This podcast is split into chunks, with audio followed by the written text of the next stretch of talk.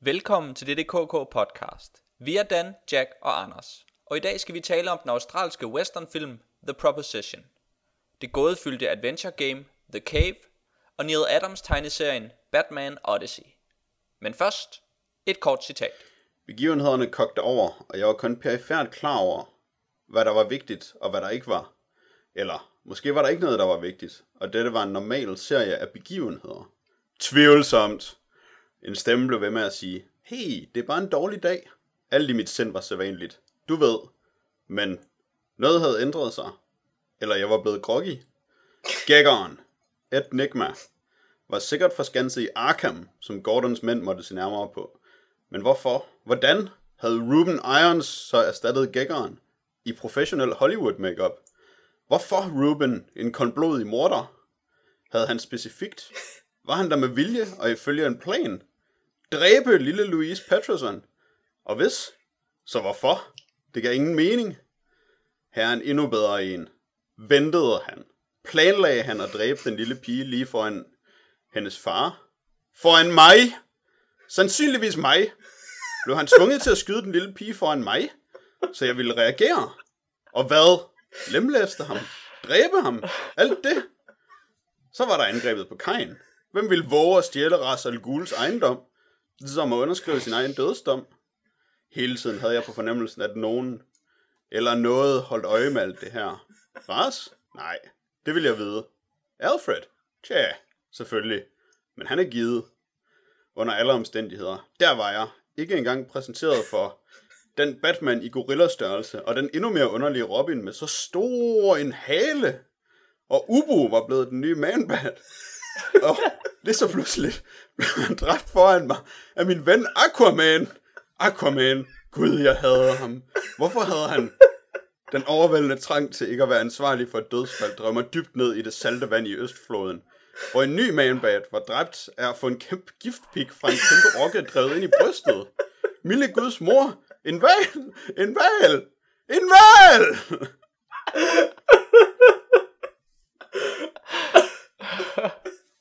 Ej, det er absurd, det der, Jack. Det er jo fuldstændig absurd. Hvem kan tænke sådan en tanke? Det er vist kun Batman, der kan det. Ja. Ej, puha, enten sveder jeg mig, eller så græder jeg egentlig nu. ja, måske endda begge. Eller hvad? Eller gør jeg? oh. Batman ville have holdt mange flere pauser mellem ordene der, Anders. Ja, det kan jeg godt se. Det var, det var noget frygteligt uh, Batman, du, uh, du citerede der, Jack, som vi skal tale om til sidst i dag i vores uh, grotte-tema. Og det er selvfølgelig et grotte-tema, fordi at, uh, ja, ikke fordi der er så meget ekko i det rum, jeg sidder i lige nu, um, hvor, fordi at jeg lige har flyttet ind, og vi slet ikke har mega god lyd, og Dan skal nå et fly til Tallinn, og Jacks gode mand i Stone Soup er lige død. Ja, uh. um, men ja, som sagt, det var vores disclaimer omkring kvalitet og, og omstændigheder. Nu kommer vores podcast. Den handler om uh, Batman Odyssey, som vi skal tale om til sidst i dag. Skrevet af Neil Adams, som uh, Jack lige udlagde uh, sådan ret, uh, ret enestående. Hvor god, hvor god en grammatik han egentlig har, hvordan han kan skrive tanker. Så det, det kommer vi nok til at tale om. Uh, vi starter ud med at tale om den australske westernfilm The Proposition, som faktisk er skrevet af Nick Cave. Og så i midten af det hele, der øh, besøger vi det gådefyldte adventurespil The Cave. Um, så det er jo et grotte tema. Så det her eko, jeg, jeg, jeg præsenterer for jer lige nu, det er faktisk øh, velvalgt. Ja, det er ligesom en del af, af, af stemningen i grotten. Ja, medmindre at kvaliteten af ekoet er så dårligt, at man ikke rigtig får nogen fornemmelse af, at det er en grotte. Så er vi mm. på den. Det er vi. Men øh, først så er du på den, Dan, fordi du skal fortælle os, hvad du har lavet siden sidst. Jeg kan nævne, at jeg har set uh, The Wolverine i biografen. Uh, ikke så meget med grotter at gøre, men um, heller ikke sådan helt vildt god. det er to gode grunde til at tale om den lige nu. Ja.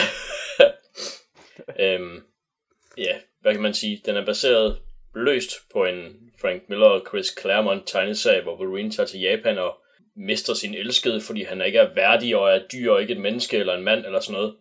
Og øhm, i, øh, i, i filmen, så er han så er han bare sådan, så antager de bare, at han er dyr, og det er fedt.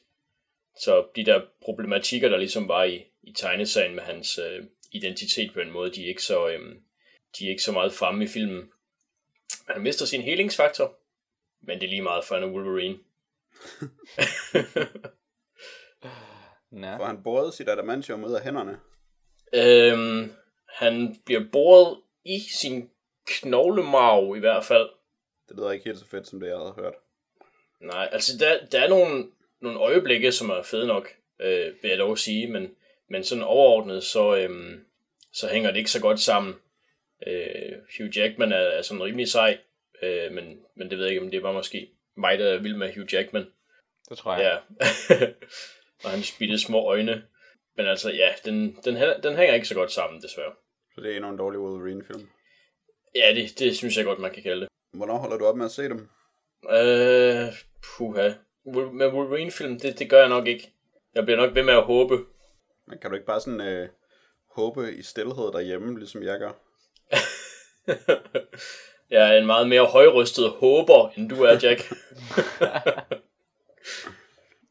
ikke. Jeg, jeg tror ikke, det bliver sådan noget. Nej. Superheltefilm er færdige. Sådan. I hørte det her først. Ja. Rollespil er dødt. Rocken er død. Sådan. Øh, hvad, har du dræbt noget, Jack? Har du dræbt noget andet? Øh, jeg har dræbt min lyst til at se film, der er baseret på teaterstykker. Ved netop at se de to film, som uh, Thomas Sørensen i lytterbrevet sidste gang nævnte, uh, eksempler på teaterfilm, han godt kunne lide, nemlig Doubt og Carnage. Hvor Doubt jo selvfølgelig er med Philip Seymour Hoffman, så den er sådan rimelig okay. Selvom uh, jeg ikke helt forstår, hvordan Thomas Sørensen med den kritik, han rettede mod teaterfilm i sit brev, uh, overhovedet kunne udholde den films slutning, fordi den er virkelig for meget og for teateragtig. Og så har jeg set mm. Carnage, som på papiret burde være en virkelig god film, fordi den har både uh, Kate Winslet og John C. Reilly og Christoph Waltz med i sig. Og så hende mm. sidste. Um, og det er sådan et kammerspil, hvor der er fire mennesker, der af en komplet urealistisk grund sidder sammen i en lejlighed i et stykke tid. Og så nogle gange så kaster de op, og det er rimelig fedt. Men ellers så de virkelig bare, så opfører de sig bare helt vildt mærkeligt og irriterende. Og drikker altså mega fulde af et enkelt glas whisky. Som er en meget, meget fin 18-års single malt fra et lille sted i Skotland, som stadig dyrker sin egen barley.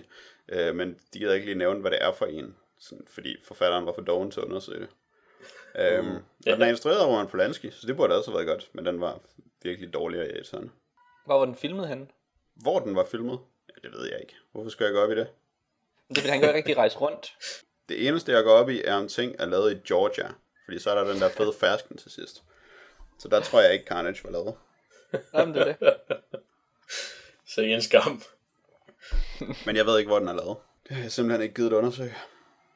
Især fordi filmen var så dårlig, så jeg vil mest bare give den en dårlig karakter på IMDb, og så holde op med at tænke på den. Wow. Men nu har I fået mig til at tænke på den igen. Ja. Det var virkelig irriterende og dårlig. Jeg tænker også på den. Men da du så meget fængende i din intro til, øh, til det her, de her to film, Jack sagde, at du havde dræbt din lyst til at se film, der var baseret på teaterstykker. Passer det så? Øh, ja. Yeah. Eller er den sådan dræbt, eller er den bare sådan, øh, sådan fået et gok i nøden? Men jeg ved det ikke, det har aldrig været et særligt specifikt projekt for mig, jo. Øhm, det har bare været, at jeg selvfølgelig så nogle film, som var det, som jeg rigtig godt kunne lide. Og jeg kunne rigtig godt lide de ting, som ligesom var, som lod til at udspringe af det. Men nu blev det mm. så til et projekt, og så blev det dårligt. Så. Men jeg tror, jeg, tror stadig, jeg vil kunne respektere en god teaterfilm, hvis jeg skulle støde på en sådan. Mm. Så, så vi kan slappe af nu. Tag det roligt. Apropos øh, baseret på, så har jeg set øh, en utrolig god stumfilm. Måske faktisk den bedste stumfilm, jeg nogensinde har set. Den hedder øh, Kørkarlen på svensk. okay. På, på engelsk har den det lidt mere sådan fængende, fancy navn, The Phantom Carriage. Øh, wow. Men Kørkarlen, det er, også, det er også rimelig sejt. Ja. Øh, originalt er den skrevet af Selma Lagerlöf.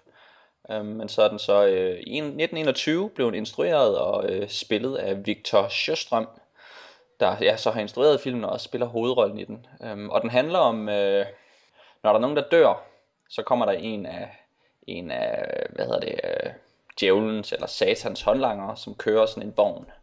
The Driver of the Dead, kalder man mm. på engelsk. Jeg er ikke helt sikker på, hvad han hedder på dansk. På svensk hedder han Kørekarlen, kan jeg fortælle.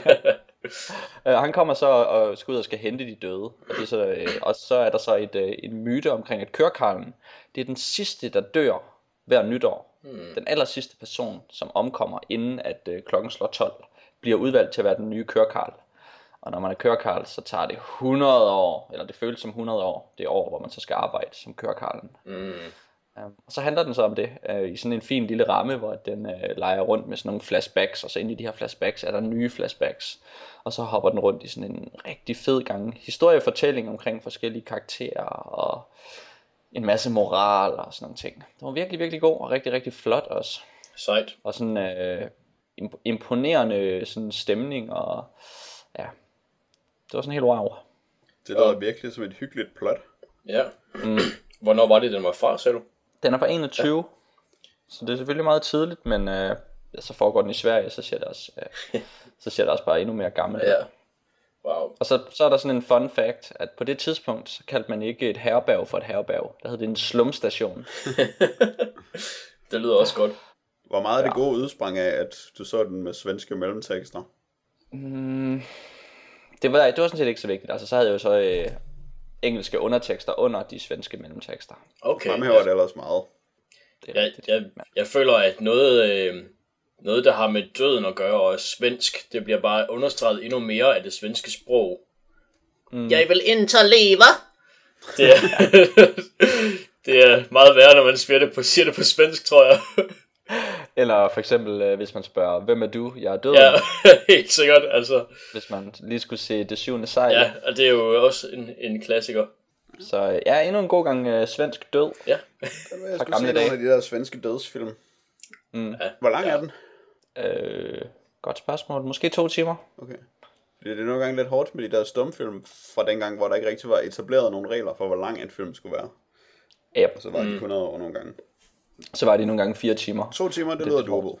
Det gør det. Ja, altså den har, den har lige en tung, øh, lige omkring midten, og så frem, der har den lige sådan 30, 20, 20 minutter, der ikke var så fængende. Men ellers så var jeg sgu med hele vejen ellers, og det, det siger noget om en stumfilm, synes jeg. Ja, det må man sige. Men man skal sørge for at få 2011 uh, Criterion Edition, mm. fordi den har noget rigtig godt musik. Det er lidt det, der er fælden ved stumfilm, at man, man ved ikke, hvad for noget musik de brugte dengang. Ja. Um, og man, man opdaterer musikken rigtig meget. Så det her det er så noget meget moderne musik, der er lagt ind, og indimellem også lidt ambient og lidt lydeffekter, som, som spiller ind. Um, og det er selvfølgelig lidt snyd, kan man sige, men det er jo svært at sige. I originalt så skulle man jo have set den i Sverige øh, på nytårsaften, hvor den havde premiere. Ikke? Åh oh, ja. med, med et liveorkester, der spillede i, i, i en biograf. Men det kan vi ikke gøre. Så må skulle man være død lige efter. ja. Eller sådan lige inden den sluttede. Så, så, så vil man blive den nye kørekarl. Yes. Dan, har du lavet mere? Ja, jeg kan lige hurtigt nævne, at jeg har læst Ocean at the End of the Lane af Neil Gaiman, hans nye bog. Og øhm, Oh, ja. den er øh, den er god. Øh, den er, jeg var overrasket over, at den var lidt kort måske. Øhm, ellers så er det bare fordi, jeg læste den ret hurtigt. Det ved jeg ikke helt. Øh, måske et godt tegn. Jeg vil i hvert fald gerne have mere.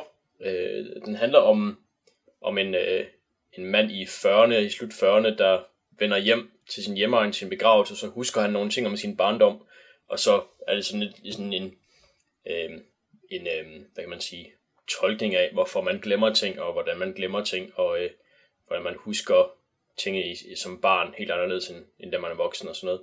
Og øh, det, det var godt. God Gaiman. Ja, det synes jeg. Mm. Hvad, hvad, for, hvad var det ligesom? Jeg går ud for, at du bare har læst alt det andet Gaiman også. Øh, jeg har i hvert fald læst en del af det. Øh, jamen altså, der er... Øh, Sådan for eksempel aldersmæssigt. Hvem er den så skrevet til? Øh, altså, så det, det er jo det, lidt det sjove med gamen, fordi der kan man som barn læse en ting, og som voksen læse noget andet meget af tiden. Øh, så der tror jeg, at både unge, øh, unge mennesker og voksne kan få noget ud af den. Men jeg, jeg fik måske en, en lidt en American Guards vibe fra den en gang imellem, om sådan nogle, hvad kan man sige, glemte øh, mytologier eller noget i den retning, der, der stadig agerer i, i verden. Mm, okay, fedt. Ja. Det lyder godt. Den vil jeg også gerne læse, så jeg vil ikke rigtig vide noget Ja, om den. okay. Så siger jeg ikke mere. Jeg vil ikke læse den, så jeg vil heller ikke vide noget om den. Ja, men så må du øh, vide noget om noget andet, Jack. Jeg var ikke så, jeg var ikke så glad for Gaiman længere. Eller har ikke været det i sådan ret lang tid. Jeg kan ikke så godt lide hans romaner. Og egentlig heller ikke hans tegneserier nu om dagen, fordi det er så, øh, så familievenligt på en eller anden måde. Det bliver så lidt tandløst og, og vattet for mig. Og han har sådan en, øh, en drømmende blød følsomhed, som han bruger i sine romaner, som jeg synes bliver Der er sådan et, øh, der er næsten sådan et sikkerhedsnet spændt ud over dem, når man læser dem. Ja, det er der lidt. Han er lidt sådan en øh, tryg favn. Han er sikkert mega god til at give knus. Det siger du som, om det er en dårlig ting. Jeg vil ikke have det i min litteratur i hvert fald. Hvis det nu var De jazz, jazzbassister må godt. Ja. Nej, så det, øh, så det er fint nok. Det, jeg, øh, jeg, jeg har ikke så meget imod ham. Jeg, han er bare ikke for mig. Det er også okay. Vi kan alle sammen tage fejl. Nej, det er okay. Jeg, jeg kan godt se, at, at der er noget familievenligt over ham. Hvis man ikke kan lide Neil Gaiman, så er det svært at læse Neil Gaiman. Ja. Det tror jeg bare er konklusionen. Øh, har du lavet mere, Jack? Øh, ja, det har jeg. Jeg øh, havde et lille hængeparti, fandt jeg ud af med Paul Thomas Andersons film. Øhm, så der fik jeg set de tre sidste, som jeg ikke havde set af hans film. Som var Sydney og Boogie Nights og Punch Drunk Love. Og Sydney var, øh, var sådan rimelig god og hyggelig, selvom jeg ikke særlig godt kunne lide slutningen på den. Og Boogie Nights var sindssygt god, og Punch Drunk Love var sådan lidt halvdårlig. Punch Drunk Love, er det rent faktisk ikke med Adam Sandler i hovedrollen? Det er rent faktisk med Adam Sandler i hovedrollen. Ja, okay. Jeg, øh, jeg var ikke klar over, at det var Anderson, der havde instrueret den. Jeg havde nok bare afskrevet den på grund af Adam Sandler. Ja, det havde jeg også øh, gjort, men der er jo det der fede ved Paul Thomas Anderson, at han får alle skuespillere til at spille sindssygt godt. Så selv Adam Sandler er faktisk meget god i Punch Ja. Drunk Love. Det er bare en, en kedelig film. Ja, okay. Vildt nok. Jeg synes også, han virker rigtig godt i Punch Drunk. På den der måde, hvor at han bare virker tragisk, hver gang han prøver at være sjov. Så det bliver sådan sat op på en helt anden måde. Så i stedet for, at han bare er sådan en, en wacky dude, så er han bare sådan en kæmpe taber. Ja, En møg dude. Ja, så det virker okay, godt. sejt. Det var Ja. han god til. Ja, det er ikke Adam Sandler, der ødelægger den. Så det er jo det... Det er vel en slags præstation i sig selv. Det, øh, jeg tror, det er den største ros, Adam Sandler nogensinde har fået.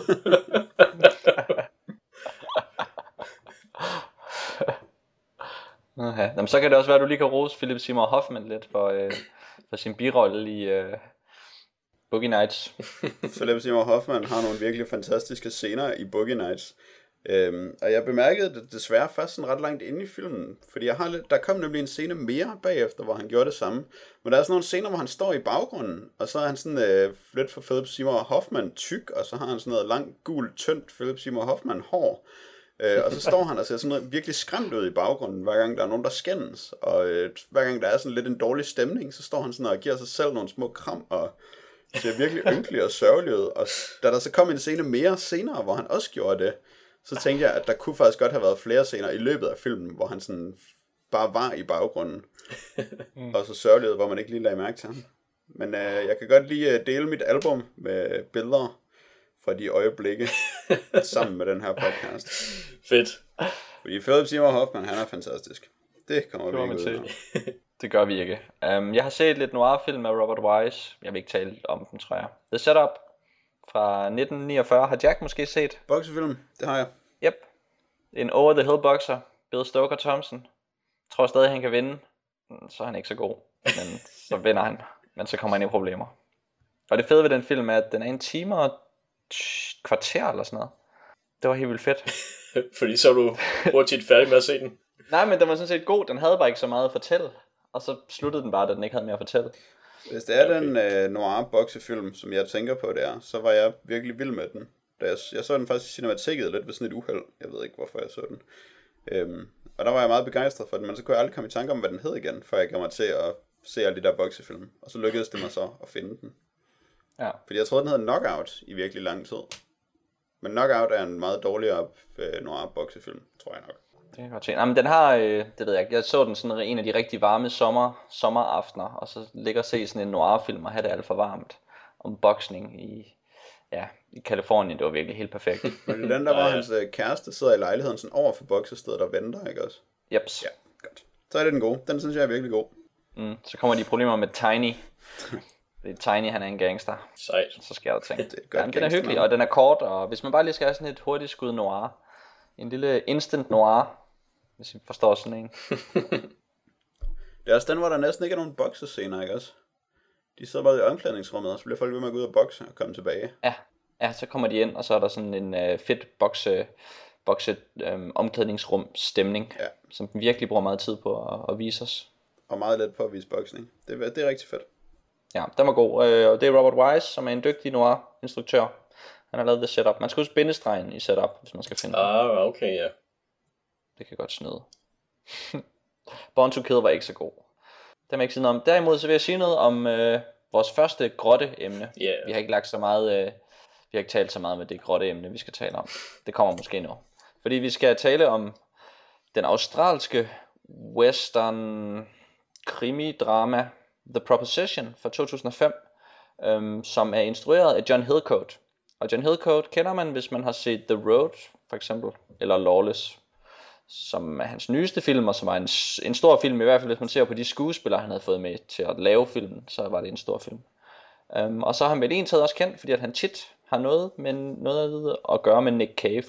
Om det er, at Nick Cave har skrevet manuskriptet, som han for eksempel har til Lawless eller Proposition, eller om han bare har fået, har fået Nick Cave og Warren Hill til at lave musikken, som han for eksempel har gjort i The Road. Um, så der er sådan en lille ting der, som måske er spændende. Uh, Proposition er uh, besat, skuespilsbesat primært af Guy Pearce og Ray Winston og Emily Watson. Um, og så ved jeg faktisk ikke rigtig, hvad mange af de andre skuespillere i filmen hedder, fordi de virker utrolig ukendte, men så er der også lige sådan en uh, mærkelig cameo af John Hurt, som, som dukker op i en, i en karakter, som måske aldrig skulle have været med i filmen, men, men får en plads. Det er ikke rigtigt at sige. Øhm, den handler om en aftale, som bliver indgået ret hurtigt i filmen, mellem øh, vores politibetjent og vores bandit, vores røver, hvor at, øh, Ray Winston spiller politibetjenten, og Guy Pearce spiller øh, ja, røveren, og den handler om, at Guy Pearce skal vælge imellem at øh, redde sin gode bror, men så skal han også dræbe sin onde bror, og det får han ni dage til. Ja. Så, så det er jo sådan set øh, et meget, meget let, meget, meget let problem, men også utrolig kompliceret. Um, og så ser vi ellers, hvordan det går i gang. Var det en god western, Dan? Ja, det, har, det er faktisk en af de ting, jeg har tænkt meget over øh, øh, af en eller anden grund. Altså, var, kan, vil jeg kalde det en western eller ej? Og, Fordi man kan sige, hvis, hvis jeg lige undskyld, hvis jeg lige må kvalificere ja. mit spørgsmål. Fordi jeg, kan jo, jeg beskriver jo dens handling utrolig simpel her. Ja. Og det er jo noget, man typisk kan gøre med en westernfilm. Så kan man sige, der kommer nogle røver ind i en by, og så er der en sheriff, og så skal han smide dem ud. Det er faktisk det, der sker i en western tit. Og på samme måde, så kan man også beskrive den her film som en western, og det kan man gøre ved at sætte plottet op, som jeg lige gjorde det. ja, Så det var det, jeg mente, når jeg spurgte, er det en god western? ja. Øhm, jamen så, ja, øh, det synes jeg egentlig, at det er. Øh, jeg, jeg synes egentlig, at, at den har den der western ting med, der er den her frontier, som er outbacken i Australien, og så er der en eller anden form for civilisation, som er byen og øh, repræsenteret af, af Ray, Ray Winstons øh, politi øh, sæde. Og så er der de her øh, banditter, der lever på grænsen, der er vilde og farlige øh, over for byen og så videre, og det synes jeg, den har. Så ja, jeg, jeg, jeg tror egentlig, jeg synes, at det var en, en god western og en, en ret interessant film egentlig. Okay, så vil jeg spørge Jack, om han synes, det var et godt drama. Jeg synes, historien om politimanden var et godt drama, egentlig mest. Jeg synes, historien med Guy Pearce og hans røver ting, at det var sådan lidt for meget Heart of Darkness.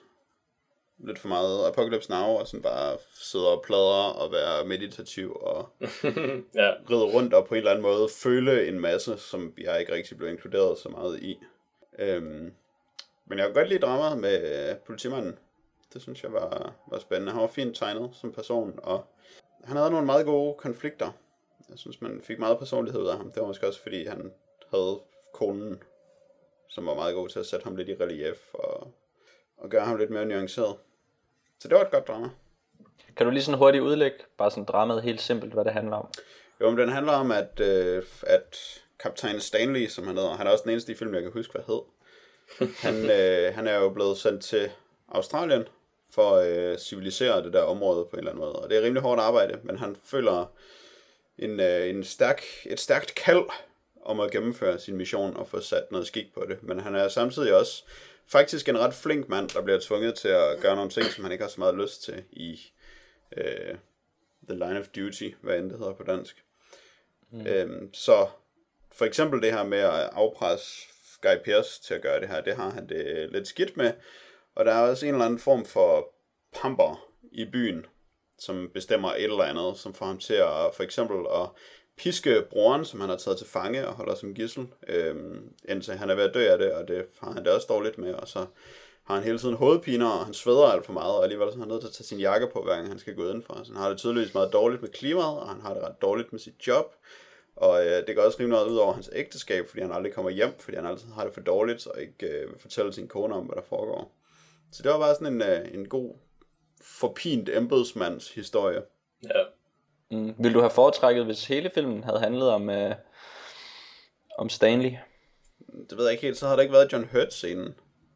Det ville også have været ret ærgerligt. Jeg er sikker på, at de kunne have puttet ham ind alle steder i den her film, hvis de havde lyst. Det tror jeg måske, der er meget rigtigt. For John Hurt-scenerne, de skulle bare lige puttet ind, og så har de, de har ingen indflydelse, og han dukker bare op. Jamen, jeg tror faktisk, jeg ville kunne lide det bedre, hvis øh, det bare havde været historien om Stanley. Jeg synes, brødreopgøret, det var lidt for meget bare et brødreopgør, som det plejer at være.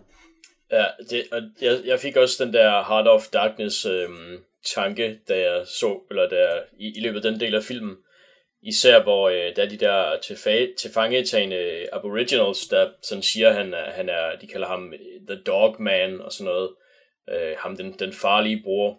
Øh, det var sådan meget, okay, han er blevet, han er gone native, eller hvad man skal kalde det. Og det, det var sådan, ja, altså det, det der, der vidste man måske allerede lidt godt, hvordan alt det ville ende. Og så havde man så ikke, øhm, for, øh, for Charlie Burns, altså Guy Pearces karakter, så havde man så ikke en eller anden voice-over, eller en eller anden, han kunne tale med omkring, hvad han følte og syntes og alt det der. Og så var han sådan egentlig bare en, en sådan usundt udseende Guy Pearce, der gik rundt og, og kiggede på nogle ting. Og det var måske lidt i underkanten.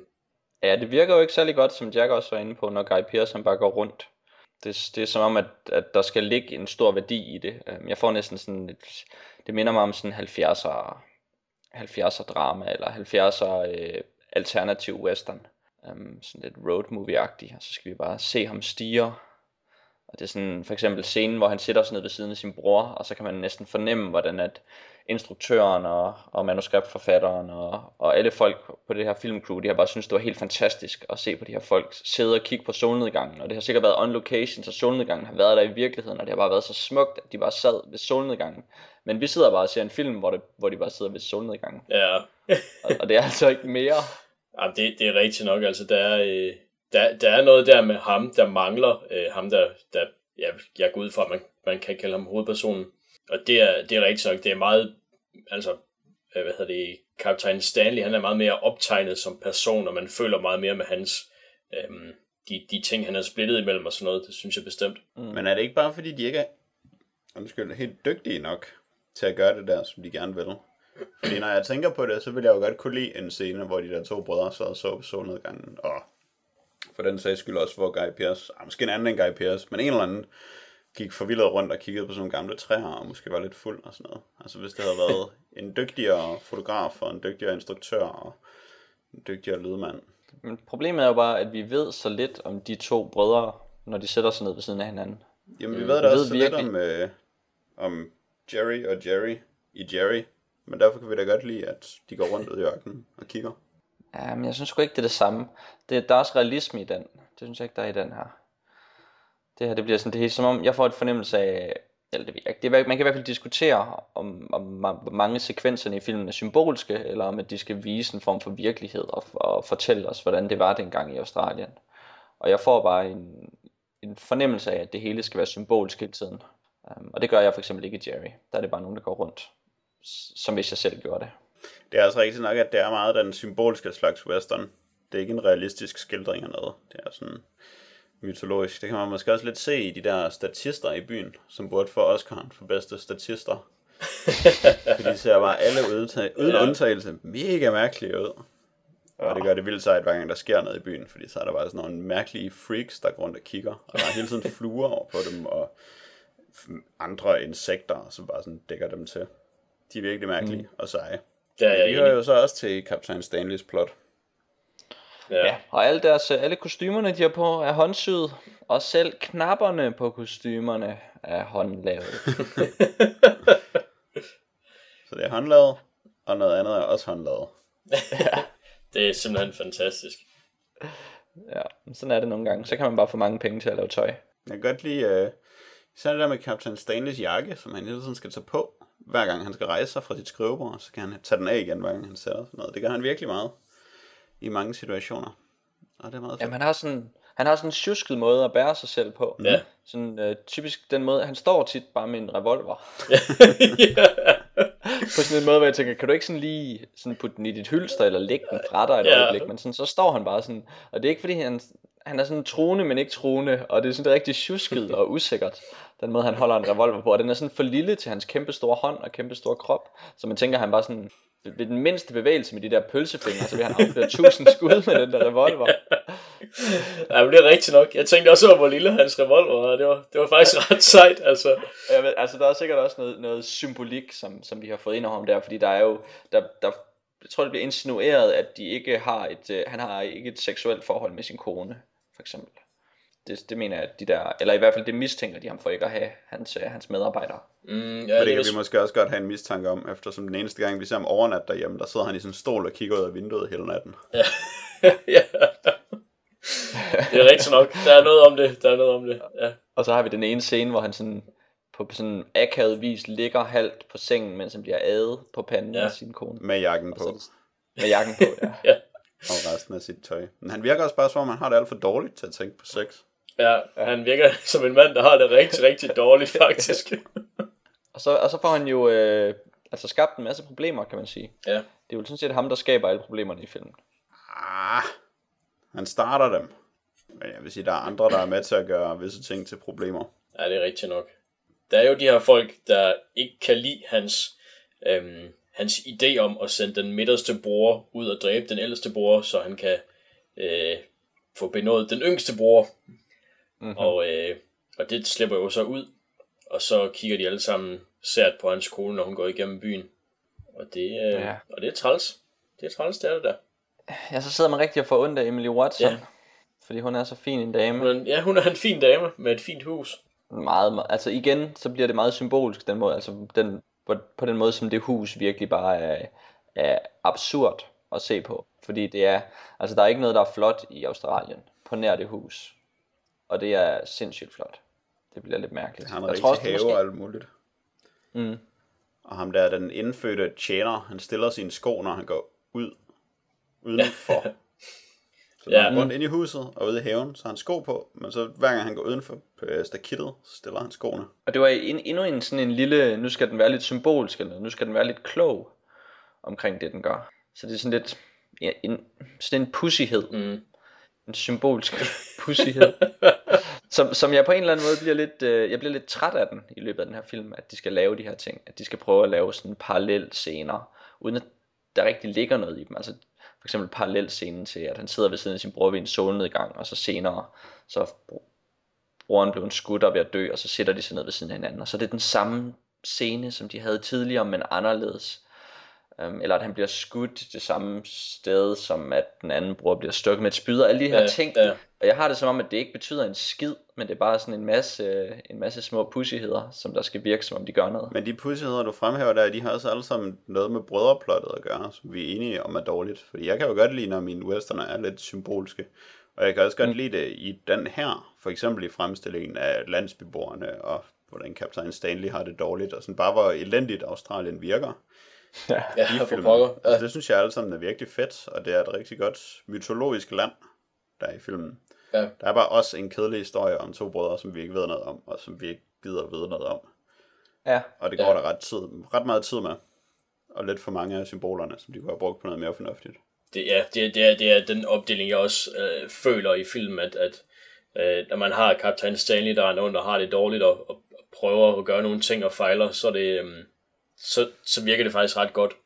Og så er der brugerplottet, hvor øh, en, ja, en syg øh, Guy Pierce render rundt og stener og kigger på nogle træer. Og ja, ja, altså det var ikke... Der må bare gerne være lidt mere der. Synes, synes I, det var, det var, der var spænding i de der scener med Guy Pierce, Fordi man kan jo virkelig, altså der er masser af scener, hvor man tænker, at han er lige ved at dø. Var der spænding i de scener, når I så dem? Øh, Det er, det er ikke et ledende spørgsmål.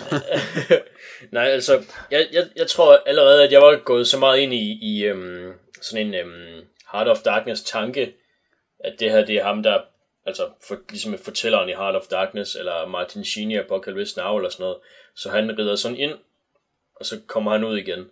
Og så han, altså, så jeg, jeg tænkte ikke på noget tidspunkt, at han ville, han ville være i fare, eller, øh, ja, eller, eller dø, eller sådan noget.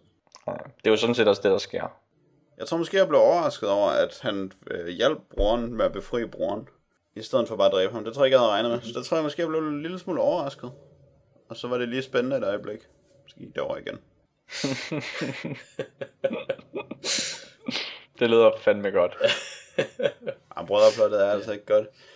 Men der er den der bande, som øh, den største af brødrene, den onde bror, han har, øh, som er sådan en ret skør bande, fordi de er meget mere ubehagelige, end man kan forstå, hvorfor de er. Ja, Det ville ja. jeg måske hellere have haft noget mere med, hvor ubehagelige de var, end jeg ville have haft noget med Guy Pearce. Ja, også fordi de har sådan en eller anden mærkelig overlegenhed. Sådan moralsk overlegenhed, og de er sådan utrolig dannede, nogle af dem. Øhm, eller, øh, eller så er der ham, som er utrolig dum, men så er han virkelig god til at synge.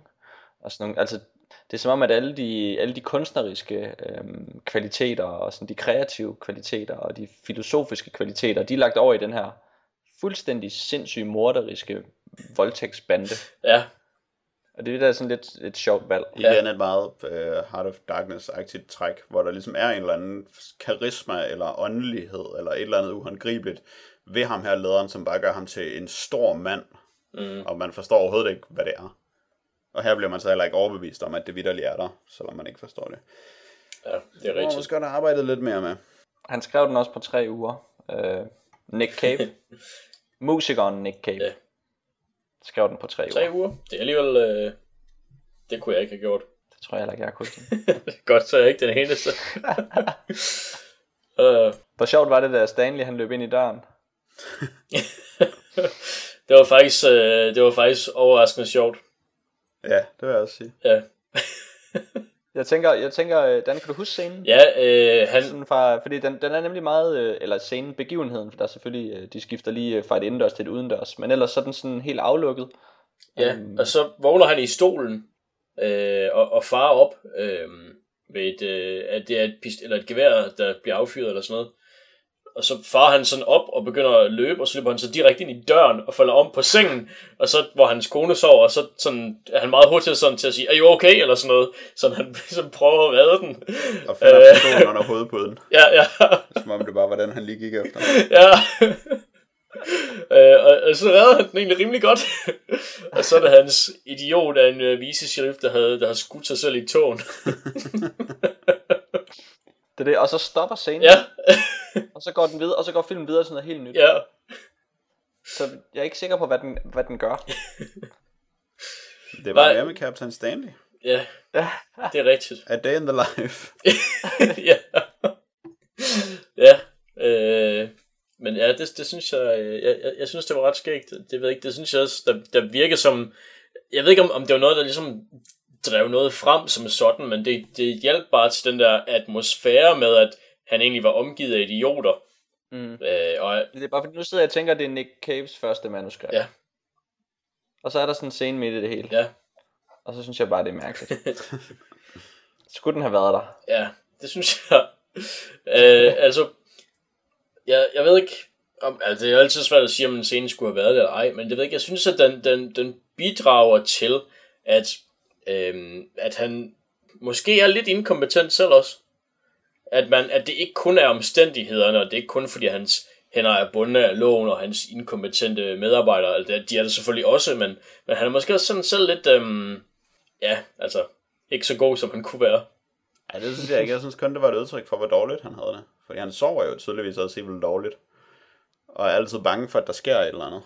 Ja, Og så var, det bare, så var han bare hjælpeløs, fordi han har det så dårligt. Han kan ikke selv gøre for det. Hvis han bare kunne få en god nats søvn, så skulle I bare se løjer. Så den anden vej rundt, ja. Jamen det er også, øh, det synes jeg også, øh, der, der er en mulig tolkning, altså bestemt. Jeg har betingelsesløs sympati for Kaptajn Stanley. Ja, det, han, er, han er en sympatisk mand, det må man sige. Ja, okay. Altså jeg synes, at meget af det der, øh, det er selvfølgelig et spørgsmål om, hvor meget man godt kan lide det ekstreme, som er en ting, som vi er indimellem kommer ind på i den her podcast, og ekstreme scener og ekstreme forhold. Men jeg synes, at, at forholdet mellem øh, Stanley, Mester og Mrs. Stanley, øhm, er meget øh, stift og meget konstrueret. Øhm, og jeg, jeg er ekstremt kritisk over for, øh, hvad hedder det, juleaftenscenen, hvor der er sådan en følsomhed omkring dem, og sådan en indforståethed med sådan en blikke, hvor de stiger på hinanden, og så siger han, jeg skærer lige kalkunen for dig, og så skærer han kalkunen for hende og sådan noget. og, og, jeg synes virkelig, at det var, altså det var utroligt dårligt, og jeg synes, at det var, at det var sådan, øh, ja, konstrueret, øh, opstyltet. Det var simpelthen for meget, men det kan godt være, at det lige var i Jacks, øh, Jacks boldgade. Ja, det var det da. Mm. Altså, altså, fordi det er jo ideen om den der slags ægtepar, som de er, sådan et viktoriansk ægtepar, som har et meget formelt forhold til hinanden, øh, og så er det ligesom bare lige løftet op på det symbolske plan, og så sætte ekstra i relief der. Jeg kunne faktisk meget godt lide det forhold, som de havde til hinanden i løbet af hele filmen. Fordi den blev ved med at holde sig til sådan en meget stiv viktoriansk måde at være på, i stedet for øh, lige at skulle have sådan nogle mærkelige, moderne følelsesudbrud og alt det der pjat, der er nu om dagen. Så var de bare meget øh, stive i betrækket, men øh, med en ægte ømhed for hinanden. Ægte, Peder. Ekstremt ægte. Ja, jeg synes, det var meget, altså, nej, men det var, jeg synes, det var meget gammeldags. Det var, meget, det, var, det var en scene, jeg ville forvente af en film, der var 40 år ældre eller sådan noget. Jeg synes ikke, at det var tilsvarende den måde, som vi forventer skuespil i dag. Men det var måske også bare en symbolsk scene, og så har den nogle andre regler. Ja, altså jeg, jeg synes, jeg synes især den scene er nok meget symbolsk. For det, eller det er ligesom et, et højdepunkt i symbolikken i filmen, fordi at det er, øh, hvad kan man sige, en yderst civiliseret højtid i et yderst civiliseret hjem i et fuldstændig ikke civiliseret sted. Og det, den afbrydes jo så også af, hvad kan man sige, det grusomme ude fra truslen for civilisationen. Mm. Så øh, jeg, jeg tror, at det er meningen, at den skal være meget symbolsk. Men hvis det ikke er sådan, man vil spille det noget om dagen, Anders, hvordan vil man så gøre det? Altså jeg ville have givet dem, eller man ville have givet dem øh, nogle flere replikker måske, og så skulle de ikke stå og se så mærkeligt ud, når de kiggede på hinanden. Altså jeg, jeg, jeg synes, at det var dårlig instruktion, det var dårlig, det er svært at sige dårlig skuespil, men det virkede bare som dårlig instruktion. Det virkede som om, at, øh, at der var for meget, der var for mange ting. Det var, det var sådan, de ville fortælle helheden, de ville fortælle hele verden, alt om alt i, i den enkelte scene, i stedet for at give os lidt, som vi, som vi vidste, vi fik at vide. Det var simpelthen, øh, ja, jeg synes det var for, for tykt, for konstrueret. Så den skulle have været øh, mere rolig, og så skulle, hvis de ville sige et eller andet konkret om det forhold, så skulle de have, så skulle de have vist os det konkret. For eksempel, om hun egentlig kunne lide ham eller ej. Som filmen faktisk, den lufter hele tiden ideen om, at hun, hun afskyer ham eller ikke kan lide ham. Mm-hmm. Men den viser det aldrig. Det er fuldstændig åbent. Vi ved ikke, om de kan lide hinanden. Jeg er ikke i tvivl om, at de kan lide hinanden. Må jeg indrømme. Så det har jeg ikke forstået, jeg. hvis filmen hele tiden stillede spørgsmålstegn ved det. Jeg er ikke enig, Anders. Nej, men det kan godt, fordi spørgsmålet er jo så, om det er et eksempel på sådan, øh, sådan ægte romantisk kærlighed, det de har. For det er jo også en mulighed. Og så er de slet ikke brug for at gøre noget. Så kan de bare sådan falde i svime over hinanden. Skære ned kalkun. Men de kan jo ikke helt falde i svime over hinanden, fordi der er jo alle samfundets bånd, der trækker ja. dem i forskellige retninger. Og tvinger dem til at handle på bestemte måder, som ikke nødvendigvis stemmer særlig godt overens med deres ægte romantiske kærlighed. Nej. Men det er også bare virkelig meget. det er virkelig meget, man skal hive ud af den scene. Nå, men jeg hiver det også ud af resten af filmen. Ja, det ved jeg godt. Det ved jeg godt. Men det er der, hvor filmen selvfølgelig er symbolsk, og den har selvfølgelig også, den bruger jo også poesien sådan helt, uh, helt selvbevidst i nogle scener, hvor vi simpelthen bare får læst et digt op. um, og der er så dele af det digt, der så bliver gentaget rundt, rundt omkring i replikker, som folk nævner. Um, så der får vi selvfølgelig også et eller andet poetisk niveau etableret i filmen. Det, jeg synes bare, det bliver lidt, lidt for konstrueret og lidt for symbolisk. Det er måske ikke lige min kop te. Nej. Men det er der ikke noget vejen med. Det lyder også som øh, vores sædvanlige uenighed om, hvor symbolske ting skal være. Og hvor meget de skal mm-hmm. være for meget.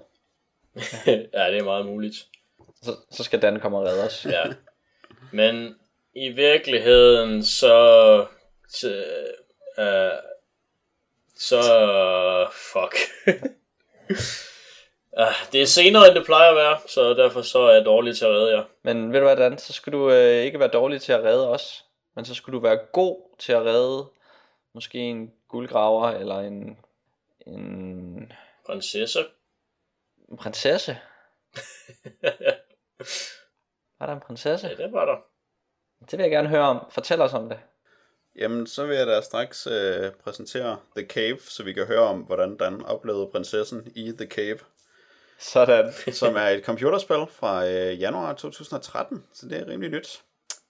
Øh, det er lavet af Ron Gilbert, som har arbejdet for Double Fine, øh, mens han lavede det. Double Fine blev grundlagt i år 2000 af Tim Schafer, som er øh, rimelig berømt for rimelig mange spil. Især adventure-spil for de gode gamle Lucas Arts dage. Man har siden også lavet, øh, i Double Fine, lavet Psychonauts og Brutal Legends, og jeg vil i hvert fald sige for mit eget vedkommende, så synes jeg, Psychonauts er et utroligt fantastisk spil. Øhm, inden han lavede Double Fine, der arbejdede han også, der lavede han spil som For Throttle og Grim Fandango, og helt tilbage i LucasArts, ej det er også LucasArts, øh, og i helt gamle dage, der lavede han Monkey Island 1 og 2 og Day of the Tentacle, og dem lavede han sammen med Ron Gilbert, øh, som egentlig startede sin spilkarriere med at lave Maniac Mansion i 87. Øhm, Yeah. og de har så fundet sammen igen om at lave The Cave, øh, som på mange måder har paralleller med deres gamle adventure-spil. Øh, spillet det handler om en hule, som er et slags psykogeografisk rum, hvor forskellige personer kan gå ind og konfrontere deres mørke sider. Så spillet starter med, at man har syv personer at vælge imellem. Der er en øh, bunderøv, kan man vist kalde ham på dansk, en ridder, en eventyr, to onde tvillinger, en videnskabsdame, en munk og en tidsrejsende.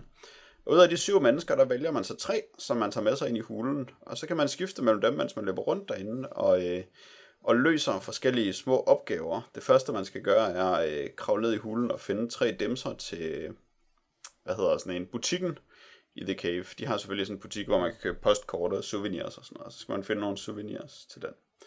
Og så øh, skal de ellers løbe rundt og øh, sætte sikringer i sikringsbokse og hive i håndtag og trykke på knapper og hjælpe hinanden med at komme igennem det her, og konfrontere deres mørke sider undervejs, fordi vi skal jo lære dem at kende. Og det lyder som om, du måske lærte ridderen at kende, Don. Jeg valgte øh, ridderen og den opdagelsesrejsende og den tidsrejsende som mine tre øh, personer. Og øh, jeg blev, øh, efter at have samlet en, øh, øh, de her tre øh, genstande til gavebutikken, som var en, øh, var det en forbandet guitar og en, øh, hvad hedder det, øh, en Thespian Award og Et svær. en, øhm, nej, det var en, en øh, juvelbes, et juvelbesat kranie. Øhm, Ah. Så, øhm, så var, begav jeg mig ind i, i den, den egentlige hule, hvor øhm, jeg mødte en, øhm, en konge, der hvad hedder det, havde øh, et Excalibur-agtigt sværd, der sad i noget sten, og som man fik retten til at, at prøve at øh, trække ud, hvis man kunne vinde prinsessens hjerte, eller hjertet formede øh, smykke i hvert fald. Det gjorde jeg så. Hun blev godt nok spist af en drage også, men øh, jeg fik smykket, og øh, jeg snød ved at springe øh, stenen, som, øh, som sværet sad i, i luften. Men øh, jeg, jeg, fik, jeg fik sværet. Så, øh, så jeg, jeg, jeg, jeg ridderen klar- klarede det ret godt, synes jeg faktisk. Ja, det siger du jo så nu. Ja. Øh, Og så skal man spille det til enden og se, hvad der sker. ja, det, det er jo lige det. Øh, jeg ved ikke, om, om hvad for nogle folk I valgte. Men jeg startede med at spille det med ridderen og hillbillyen, øh, eller bunderøven, og så den tidsrejse. Ja. Øh, og så gennemførte jeg med det, og så tænkte jeg, ved, hvad der sker, hvis man tager nogle andre, hvor meget der ændrer sig i spillet. Og så prøvede jeg med tvillingerne og munken og eventyren, og så skete der ikke sådan helt vildt meget nyt, og så stoppede jeg med at spille. Så, hvad hedder det? Øh, du mødte også dragen, eller hvad? Øh, ja, Okay. Hvordan, øhm, det, det er jo noget med, at man skal have en bestemt mønt inden for dragen, ikke? og det kan jeg altså ikke lige huske, Dan. Okay, øh, men øhm, det jeg oplevede, det var, at jeg skulle finde en, øh, en mønt inden for dragen, som jeg skulle vise til prinsessen, og så ville hun give mig medaljonen. Den her drage, den ligger så og sover. Hvis man kommer tæt nok på, så vågner den og spyr ild.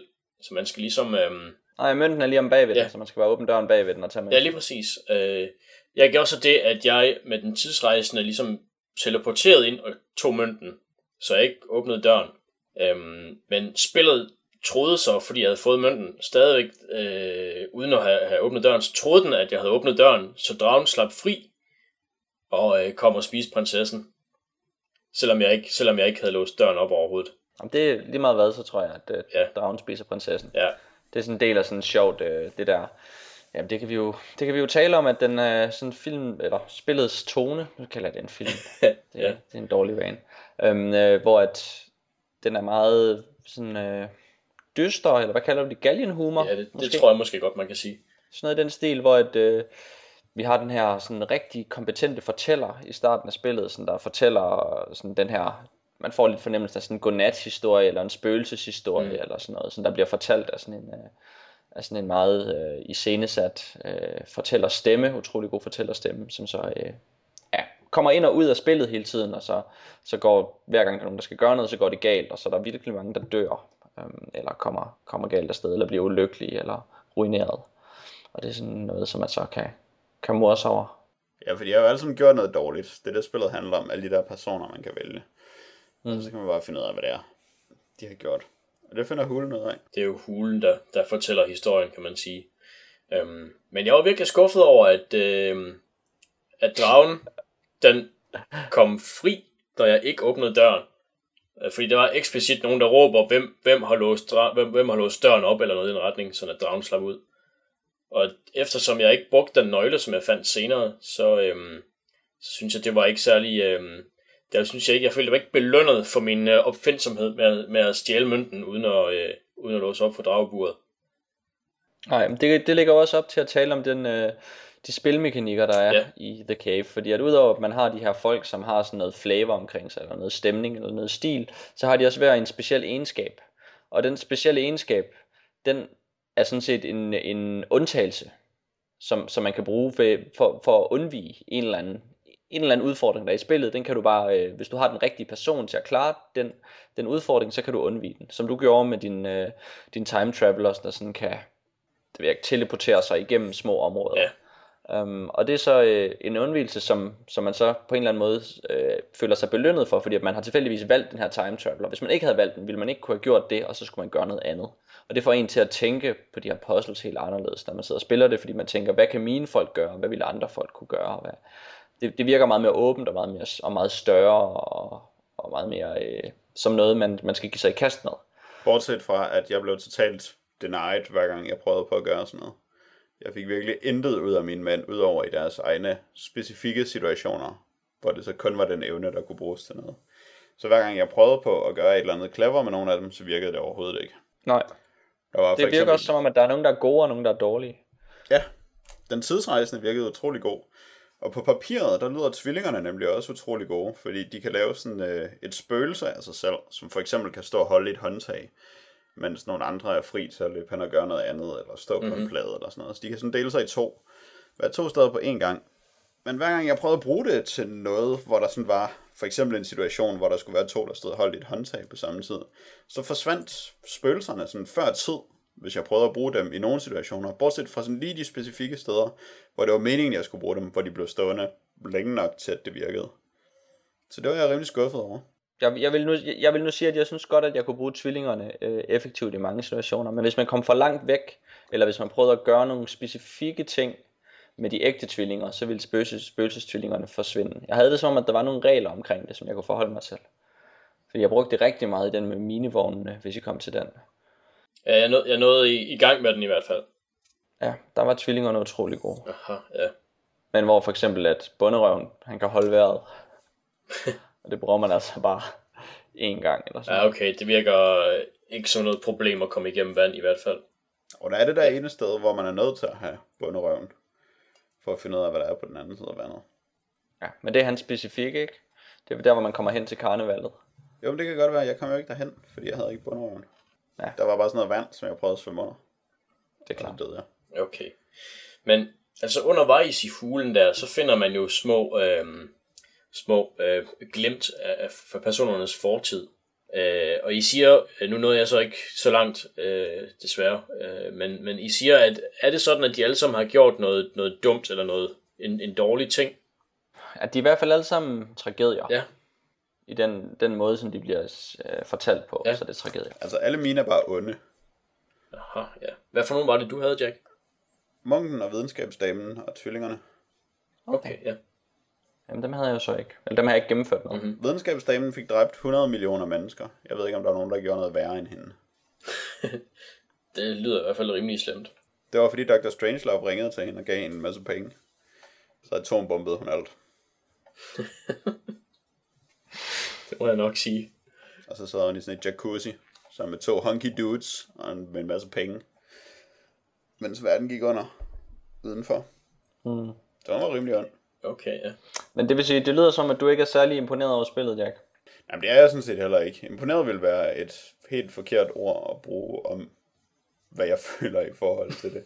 Men jeg er heller ikke sådan, altså jeg er ikke, jeg er ikke sur over det. det jeg tror, øh, det virker et eller andet sted næsten for ubetydeligt til at blive sur over det. Jeg synes, øh, jeg synes ikke, det fungerer så godt, som det kunne have gjort. Jeg synes, det er en god idé, det her med sådan en hule, og så finder vi ud af, hvad de her mennesker har gjort. Og det er sådan set også meget hyggeligt at hoppe og samle ting op, men det hele er bare så begrænset, at man næsten ikke kan gøre noget forkert. Ja, Og så er det bare ikke sjovt nok, og det er ikke interessant nok. Historien er ikke god nok i spillet. I hvert fald ikke dem, som jeg har fået af dem. Jamen, du rammer fuldstændig alle de, de, de punkter, jeg har, jeg har skrevet ned af kritik omkring spillet i det, du siger der. Altså, udover, der er der selvfølgelig lige det med, at man skal bruge meget tid på bare at gå rundt. Ja, det er virkelig irriterende. Fordi man har tre folk, og man styrer jo kun en af dem ad gangen. Ja. Så hvis du vælger at sige, nu styrer jeg ridderen, og så går jeg helt vildt langt, og så går jeg herop, og så finder jeg ud af, hov, jeg skal lige stå på den her trykplade, og så er der også lige en, der kan stå på den her trykplade ved siden på. Så trykker jeg på mit musehjul, og så får jeg min, øh, min, min et eller andet time traveler, og så går jeg op, og så stiller jeg mig på den anden trykplade. Ja. Og så har man gået den der distance to gange, og der har måske været sådan et lidt irriterende hop, man lige har skulle lave. Ikke sådan rigtig irriterende, men bare sådan lige, at man faktisk godt i teorien kunne miste hop, så man skulle lige gøre det i forfra. Så man næsten skal koncentrere sig lidt. Og så sidder man og gør sådan nogle ting rigtig meget. Og det, øh, det trækker tænder ud, synes jeg. ja det er noget, der, der øh, forlænger spilletiden på en ikke særlig flatterende måde i hvert fald. Men der er også en god stemning i den grotte måske, som gør det, det værd at være der. Men igen, så ville den stemning bare være meget bedre, hvis øh, der var gode historier at fortælle, og hvis det sådan var underholdende. Fordi den der hule skal jo tit være sjov. Men der var kun et tidspunkt, hvor jeg synes, den var sjov. Resten af tiden, så var alting bare sådan til stede, og så var det der, og så så det hele sådan meget, øh, jeg ved ikke, altså sådan meget LucasArts-agtigt ud, vel? Den der stil, som både Tim Schafer og Ron Gilbert åbenbart bruger meget. Sådan den der æstetikken og øh, måden at være fjollet på, men det virkede bare som det samme, som de havde gjort 100 gange før. Der var slet ikke noget friskt eller overraskende ved det. At det er en sikring, man skal sætte ind i en kasse for at få noget til at virke. Det er næsten øh, ja, at hive en i næsen. Ja, altså det er jo virkelig det, det standardproceduren, må man mm. sige. Så selve spillet er i hvert fald ingenting værd. Men jeg synes bare, der var nogle, der var nogle, nogle passager af spillet, der havde en masse stemning. For eksempel uh, tvillingernes udfordring, som handler om, at de skal uh, bryde ind i deres lille hjem, og så uh, dræbe deres familie. Og så går de rundt i sådan et ret sådan, et flot tegnet hus, og de skal finde en skeleton key og ned og åbne en cellar door, og der er sådan en masse ting, som er sådan øh, god stemning i, i, i også bare de ting, man gør, og den, øh, den historie, der er omkring det. Og, udenfor at hoppe på taget i regnvejr og slukke en kamin og alle, alle mulige sådan næsten Neil Gaimanske øjeblikke i det der, det der hus der. Tvillingerne var helt klart også min favorit, også fordi deres historie var rimelig grum, ikke så, øh, og, og sådan overraskende. Jeg var da overrasket over, at de der børn, de bare ville dræbe deres forældre. Ja, Det er ikke fordi, de rigtig har nogen grund til det. De var mega onde. men det er jo det der med tvillinger, ikke? Ja. De er altid onde. Men gennemførte du med tvillingerne? Øh, nej, Okay. det gør jeg ikke. Fordi der er nemlig et twist til deres historie, som man kun får, når man gennemfører. Ja, det virkede ikke som, eller i hvert fald munken og øhm, videnskabsdamen, der var ikke rigtig noget twist, når man gennemførte med dem. Det var bare sådan den historie, som man havde fået fortalt gennem at bevæge sig igennem miljøet. Mm. Fordi det var meget hyggeligt, den måde, man får fortalt historien på ved at løbe rundt og løse gåder. Og så sker tingene rundt om en. Men det er så ikke nødvendigt, fordi altså ideen er, at du går rundt, og så finder du de der, øh, hvad er det, der udløser dem? Er det sådan nogle kister, eller hvad er det? Hvad er det, der udløser en lille bid af historien? Ulemalerier. Ja, sådan, ja, det er rigtigt, ja.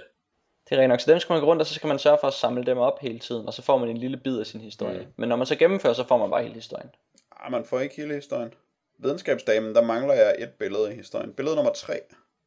Ja. Fik jeg ikke. Okay. Så Okay. jeg tror kun, man får de to sidste, som er det, man Nå, får for at så- gennemføre. Okay.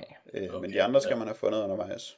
Så jeg ved stadig ikke, hvad der skete på trin 3 i hendes historie.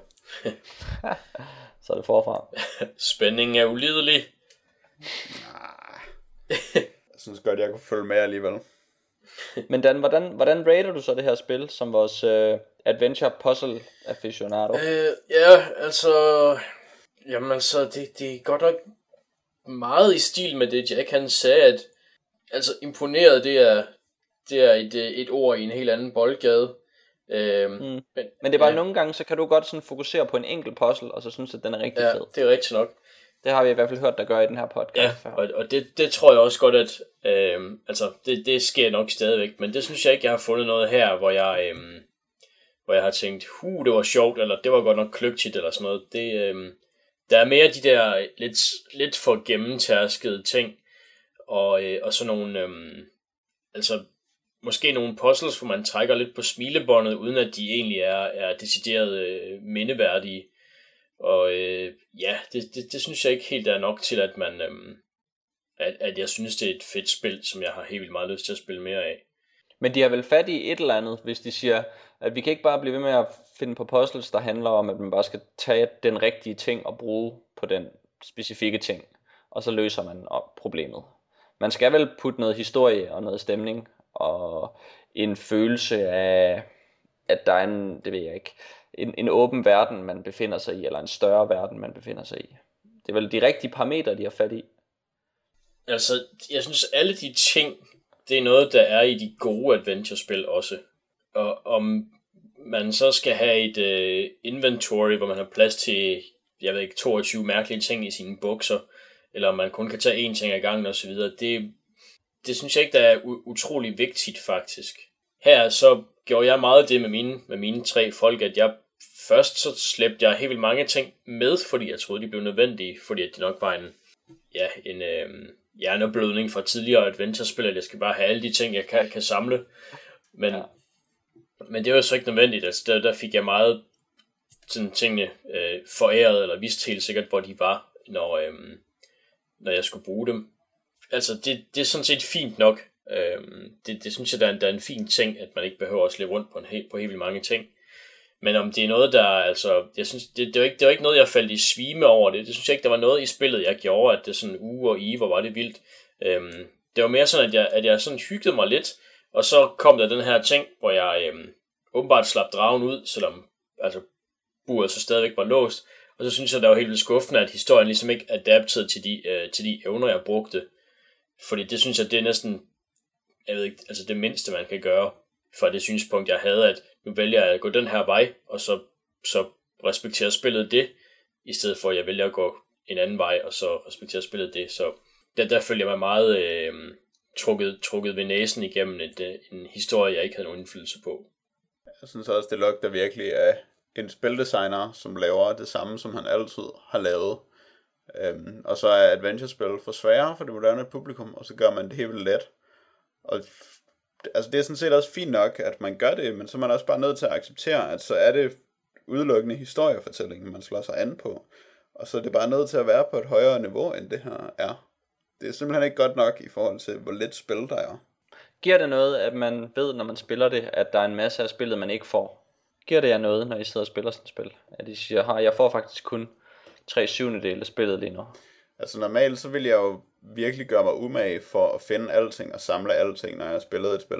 Det er jeg på mine øh, gamle dage blevet sådan lidt bedre til at sondere i, hvornår det er umagen værd at gøre det, og hvornår det ikke er at gøre det. Mm-hmm. Og her, der havde jeg fra starten klart en fornemmelse af, at det var ikke det værd at prøve at finde alting. Og så virkede det også lidt lige meget, at der var flere historier, som jeg ikke fik at vide. Især efter at have set de historier, som jeg så så, som... Altså, det var jo bare ikke spændende nok til, at jeg var interesseret i, hvad de sidste 4 syvende del af spillet er.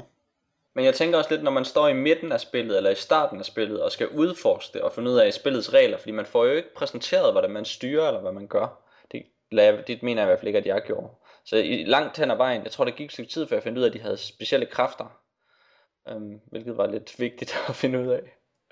Øhm, så det her med, at man kommer ind i et spil, man ved ikke rigtig, hvad der sker, men man begynder ligesom at få en fornemmelse af, at hov, jeg får kun nogle af delene, men jeg får ikke hele spillet lige nu. Og det synes jeg, der pirret min interesse. Um, at jeg så blev skuffet til sidst, det kan man sige, det er jo, sådan er det sgu med computerspil, ikke? det kan det let blive i hvert fald, ja. Ja. Øh, men jo, altså, jeg, jeg, var også, jeg synes også, at min interesse var, var fænget fra starten af, og det var sådan, Altså hvis, hvis, hvis du får en rigtig, rigtig god halvanden time spil, ved ikke at vide noget om det her spil, start det op, og så spille de halvanden time, så er det jo, vel, så er det jo pengene værd. det kunne man, det kunne man nok godt sige, altså, jeg, jeg tror ikke, at jeg nåede halvanden time ind, øh, før jeg begyndte at være lidt skuffet, desværre. Der er bare for mange ting, som er tedious i det, Ja. med at løbe frem og tilbage. Det, synes, det mærker man meget tydeligt lige fra starten. At man bare skal løbe ind og hente noget, løbe tilbage, hvor man kom fra, sætte det løbe tilbage med det, man får ud af det. Øh, og allerede der, så kan jeg jo mærke, at jeg ikke kommer til at kunne lide det her spil. Fordi det spilder simpelthen for meget af min tid.